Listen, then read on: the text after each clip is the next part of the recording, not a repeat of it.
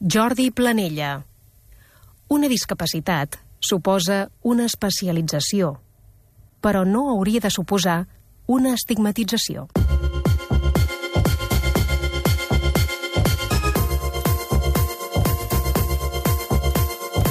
Soc Rafael Vizquerra, director del postgrau en Educació Emocional i Benestar de la Universitat de Barcelona.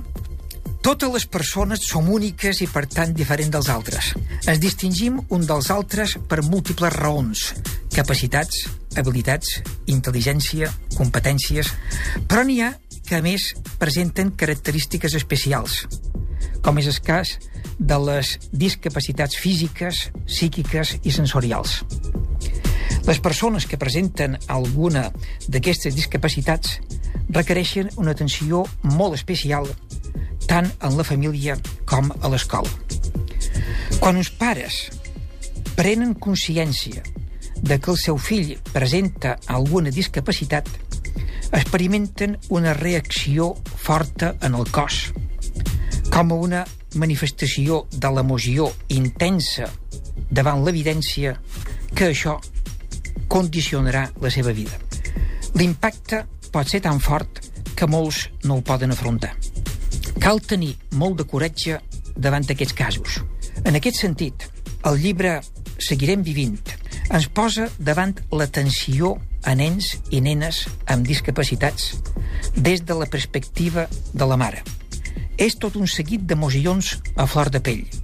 Ens apropa a l'atenció a la discapacitat des del més profund de les nostres pors en tractar-se d'un tema que procurem esquivar, ja que ens deixa desolats.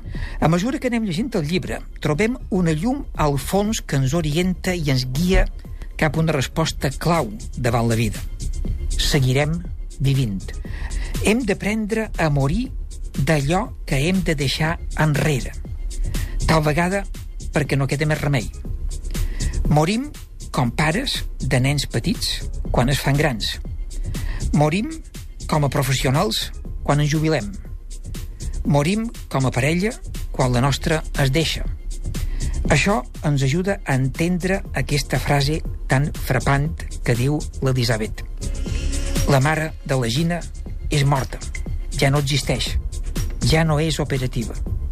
Gràcies, Elisabet, per ajudar-nos a comprendre i estimar a les persones que, com la Gina, tenen alguna discapacitat.